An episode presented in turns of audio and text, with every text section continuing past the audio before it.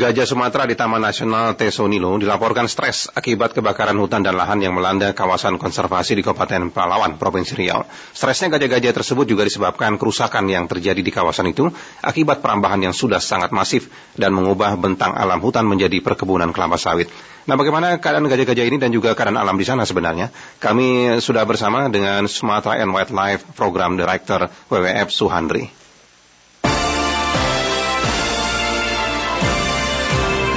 Pak Suhandri, selamat malam Pak. Selamat malam.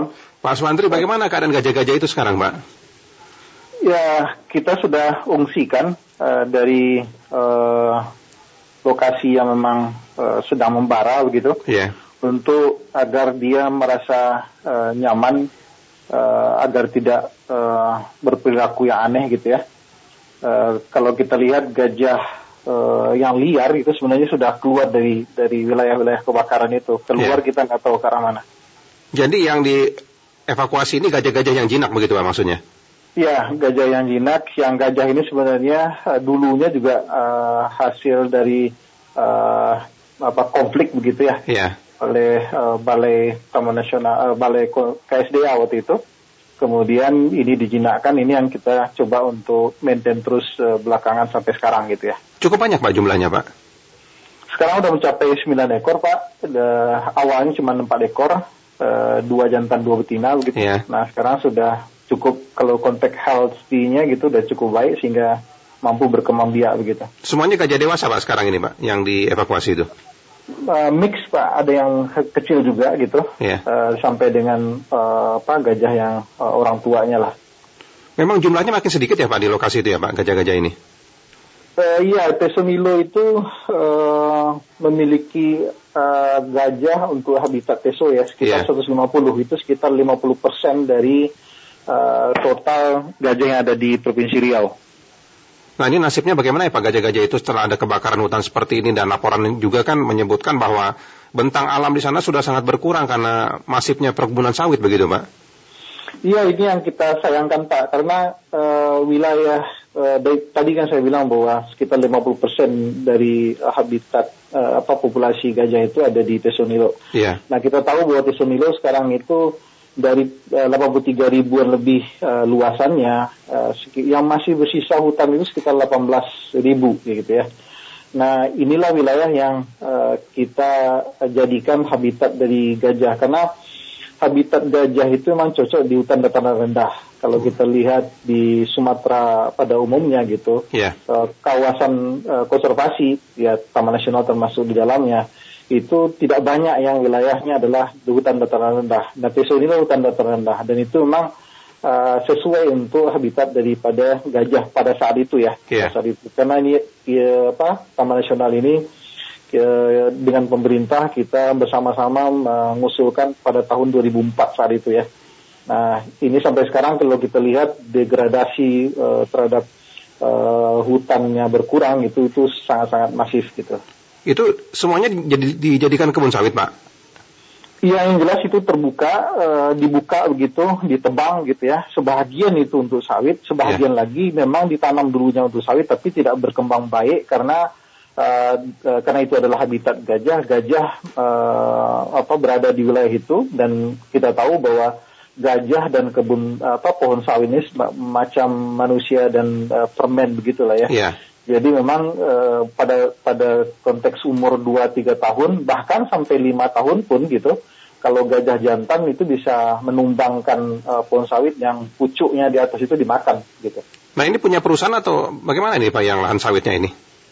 Uh, perusahaan tidak karena di situ kan kalau perusahaan kan mereka harus dapat izin ya. Iya ada konsensi uh, begitu ya. Ada konsensi yeah. HGU dan itu prosesnya kan uh, formalitasnya itu panjang dan ada semacam proses yang harus dilalui oleh perusahaan. Yeah. Dan ini bukan perusahaan gitu. Lebih Jadi kelompok masyarakat begitu Pak? Ya masyarakat ya. Tapi kalau kita data yang kita peroleh uh, luasan per orangnya juga lumayan lumayan luas gitu. Yeah. Bahkan ada yang mencapai 100 hektar begitu. Nah itu pengawasannya bagaimana Pak sebenarnya Pak? Ya, uh, ya itulah uh, pengawasan ini berceritanya jadi panjang gitu ya. Yeah kalau kita lihat pengawasan berarti kan proses perizinan itu jalan atau tidak gitu kan. Nah ini yang uh, saya lihat uh, agak lemah gitu ya. bahwa uh, apa namanya uh, untuk proses pembukaan lahan sawit itu sebenarnya kan perlu perizinan uh, HGU-nya, yeah. perlu mendapatkan izin untuk proses itu gitu. Nah, uh, proses ini yang kadang-kadang tidak dilakukan, uh, tapi lahan dibuka dan tidak ada kontrol di itu. Nah, sampai kepada kalaupun kebun itu menghasilkan gitu ya sawit uh, apa dari situ, dan itu pun uh, bisa dijual ke ke PKS atau pabrik kelapa sawit. Jadi uh, sistem ini tidak jalan. Kalau kita kalau sistemnya jalan sebenarnya kan pabrik kelapa sawit bisa memfilter ya yeah. ke mana kebun yang memang itu adalah benar tumbuh pada uh, tempat yang benar gitu. Uh, tidak di kawasan hutan maksudnya di APL oke okay, itu benar tapi kalau di kawasan hutan apalagi kawasan konservasi gitu mestinya buah-buahnya itu tidak diterima oleh pabrik kelapa sawit. Iya. Oke. Okay. Karena kan nah, di kawasan konservasi uh, mereka membuka lahan ini begitu ya, persis, Mas Wendel ya. Aha. Nah, dalam konteks kalau kita lihat RSPO sebenarnya itu kan cukup kuat ya. Uh, eh, RSPO adalah sertifikasi untuk uh, apa namanya sawit ya. Nah, uh, kalau member RSPO itu memang di uh, cukup cukup keras untuk uh, mengenakan sanksi kepada anggotanya jika dia tetap menerima pohon apa sawit yang memang berasal dari Eh, tempat-tempatnya ilegal.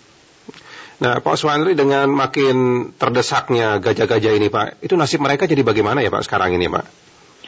Nah, itu dia. Uh, WWF kan uh, banyak metode sebenarnya. Salah satunya uh, adalah kalau WWF saat ini fokus kepada uh, satu metode yang disebut dengan flying squad. Yeah. Jadi semacam uh, gajah jinak itu kita upayakan untuk menghalau gajah liar uh, apabila gajah liar di dalam nasional keluar. Jadi bukan manusia yang menghadapi uh, satwa karena kalau manusia kan uh, risiko besar gitu. Yeah. Nah, dengan cara begini itu menghindari uh, atau apa namanya akibat dari konflik misalkan kematian bagi manusia ataupun juga terhadap gajahnya sendiri. Nah, ini cukup sukses tapi um, tidak cukup, tidaklah cukup satu tim flying squad di situ gitu ya. Nah, sekarang kan ada juga tiga paling tidak ada tim di sana. Uh, kalau kita lihat kebutuhan dari Taman Nasional itu uh, prediksi kita itu sekitar enam tim lah gitu ya yeah. untuk memastikan kalau gajah-gajah yang di dalam tadi yang sekitar 150 ekor itu keluar dan kemungkinan mereka itu misalkan ya uh, masuk ke kebunnya masyarakat yang memang kebun itu adalah tempatnya pas ya legal gitu. Nah itu kan merugikan masyarakat. Nah dengan cara flying squad ini kita upayakan dia kembali lagi ke hutan di dalam Taman Nasional. Tapi celakanya hutan itu kan habis gitu ya. Yeah. Hutan itu di dalam sendiri udah udah udah banyak orang perambah uh, dan apa namanya uh, ya itu tidak membuat nyaman bagi bagi gajahnya gitu. Nah ini yang uh, antara ya ada dilematis gitu ya bahwa kita kita lihat sebagai solusi konflik itu adalah perlu satu area yang khusus untuk habitat gajah itu adalah Taman Nasional Tisenilo gitu kan tetapi sisi yang lain di dalam taman itu sendiri uh, tidak tidaklah cukup nyaman bagi gajah karena yeah. masyarakat pun di dalamnya untuk uh, bergerak uh, konteks ekonomi gitu kan. Nah ini yang berbagi ruang sebenarnya itu yang menjadi menjadi kata kunci ya. Tidak semua areal gitu harusnya dibuka untuk ekonomi development. Jadi uh, kalau dilihat dari trennya populasinya sekarang ini turun atau bagaimana Pak? Uh, cenderung turun, tetapi turun, ya? uh, cenderung turun. Saya pikir di beberapa tempat uh, gajah memang terancam, ya. Uh, artinya kalau kita kita analisa secara keseluruhan di Riau ini 80 persen gitu habitatnya itu ada di di, di luar kawasan uh, konservasi. Yeah. Artinya bisa jadi dia dia sebagian itu ada di dalam konsesi, di sebagian itu ada di dalam HTI gitu ya, uh, ataupun di HGU gitu. Nah, itu yang terjadi gitu. Nah, jika pemilik dari kebun itu merasa bahwa kedatangan gajah itu yang notabene dia mencari makan sebenarnya secara kodratinya gitu ya, secara uh, sifat wildnya gitu, itu dimaknai sebagai ancaman, nah itu yang terjadi konflik. Yeah. Kan? Nah ini yang kita upayakan untuk mensosialisasikan bahwa uh, gajah bergerak karena dia mau mencari makan dan diciptakan dia memang seperti itu gitu kan. Maka kita sebagai manusia kalau memang bisa mengerti, bisa membagi ruang untuk itu gitu, mestinya tidak terjadi konflik satu dengan yang lainnya gitu yeah. ya, yang berakibat kematian. Jadi yang stres ini karena melihat kebakaran hutan juga mungkin begitu ya Pak gajah-gajah ini ya. Tanda-tandanya seperti apa Pak gajah stres itu Pak? Ya stres karena e, banyak banyak ini cara karena dia juga bisa diam stresnya gitu ya karena e, wilayah untuk makan dia kan terbatas. Iya. Dia tidak bisa lagi e, apa namanya semacam kalau di kita itu tawaf gitu ya berjalan tiap tiap tiap hari itulah e, apa sifat kodratinya dia gitu kan dia tidak bisa lagi ya sama dengan manusia juga kalau yeah. bergeraknya dibatasi dia akan juga stres gitu ya. Nah ini terjadi uh, dengan gajahnya. Nah sifatnya seperti apa? Sejauh ini sih tidak memberikan reaksi yang lebih atraktif terhadap terhadap apa lingkungannya gitu ya. Uh, kita lihat yang kita amankan gajah jina ini masih dalam konteks kondusif gitu karena memang kita suplai uh, makanannya gitu ya. Yeah. Tapi kalau gajah-gajah liar, nah itu yang perlu kita kita studi juga seperti apa mereka gitu. Pak ini untuk lahan yang sudah rusak di hutan di Taman Nasional ini ya Pak ya, Tesonilo ini ya, ya. itu masih ya. bisa dipulihkan nggak Pak? Ya, pemerintah KLHK sebenarnya sudah bekerja cukup apa intensif ke situ sebenarnya Pak dan uh, sudah bergerak sudah cukup lama dan bertahun-tahun juga gitu ya. Bagaimana uh, mencari solusi untuk mengeluarkan masyarakat yang di dalam, yeah. masyarakat yang semestinya tidak di dalam gitu karena itu ilegal gitu ya. Nah, eh, solusi itu pun uh, berproses uh, belumlah cukup uh, apa namanya sampai kepada titiknya sehingga masyarakat itu bisa keluar gitu ya. Itu belum sampai di situ. Tapi skenario nya jika itu, itu terjadi sebenarnya hutan itu bisa recovery lagi sebenarnya. Yeah. Ya. Nah, apalagi kalau masih ada hutan asli yang tersisa. Sekarang sekitar ah, 18 ribu gitu.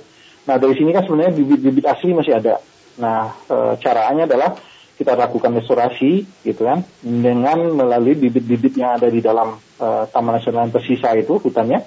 Kemudian kita lakukan restorasi lagi di wilayah-wilayah yang memang sekarang terbuka atau ya. uh, yang sekarang ada sawitnya gitu ya. Sudah dilakukan itu, Pak? Uh, sebagian sudah. Nah ini dia. memang kita berupaya terus gitu ya. Uh, dana luar biasa juga uh, apa uh, dibutuhkan untuk restorasi. Jadi di wilayah sekitar uh, camp Flying Squad itu, itu kita sudah melakukan restorasi cukup banyak, sudah hampir uh, seratusan hektar dan itu ludes, yeah. habis gitu ya, kebakaran sekarang ini. Uh, bahkan pembibitan kita juga uh, udah mulai uh, sebagian juga udah habis gitu ya. Nah ini yang berat memang gitu ya untuk recovery ini. Uh, kita nggak tahu. Ini kan gini mas bahwa uh, dalam konteks konservasi ini kan hutan dataran rendah itu kan keanekaragaman hayatinya kan cukup tinggi. Yeah. Ya kan artinya keanekaragaman tinggi semua uh, uh, apa namanya flora fauna memungkinkan hidup di situ. Ya itu satu sisi. Sisi yang lain uh, hutan dataran rendah atau dataran rendah itu juga berpotensi untuk dikembangkan untuk ekonomi. Ya jadi konflik di situ lah gitu ya. Nah kalau sekiranya pemerintah sudah membuatkan bahwa ini adalah taman nasional, tetap juga menjadi incaran untuk ekonomi development, yeah. maka memang keanekaragaman hayati itu uh, akan hilang. Nah hilangnya itu kan proses hilangnya itu kan uh, bertahap. Proses hilangnya itu seperti sekarang itu dia nggak punya habitat lagi, yeah. maka dia akan berkonflik.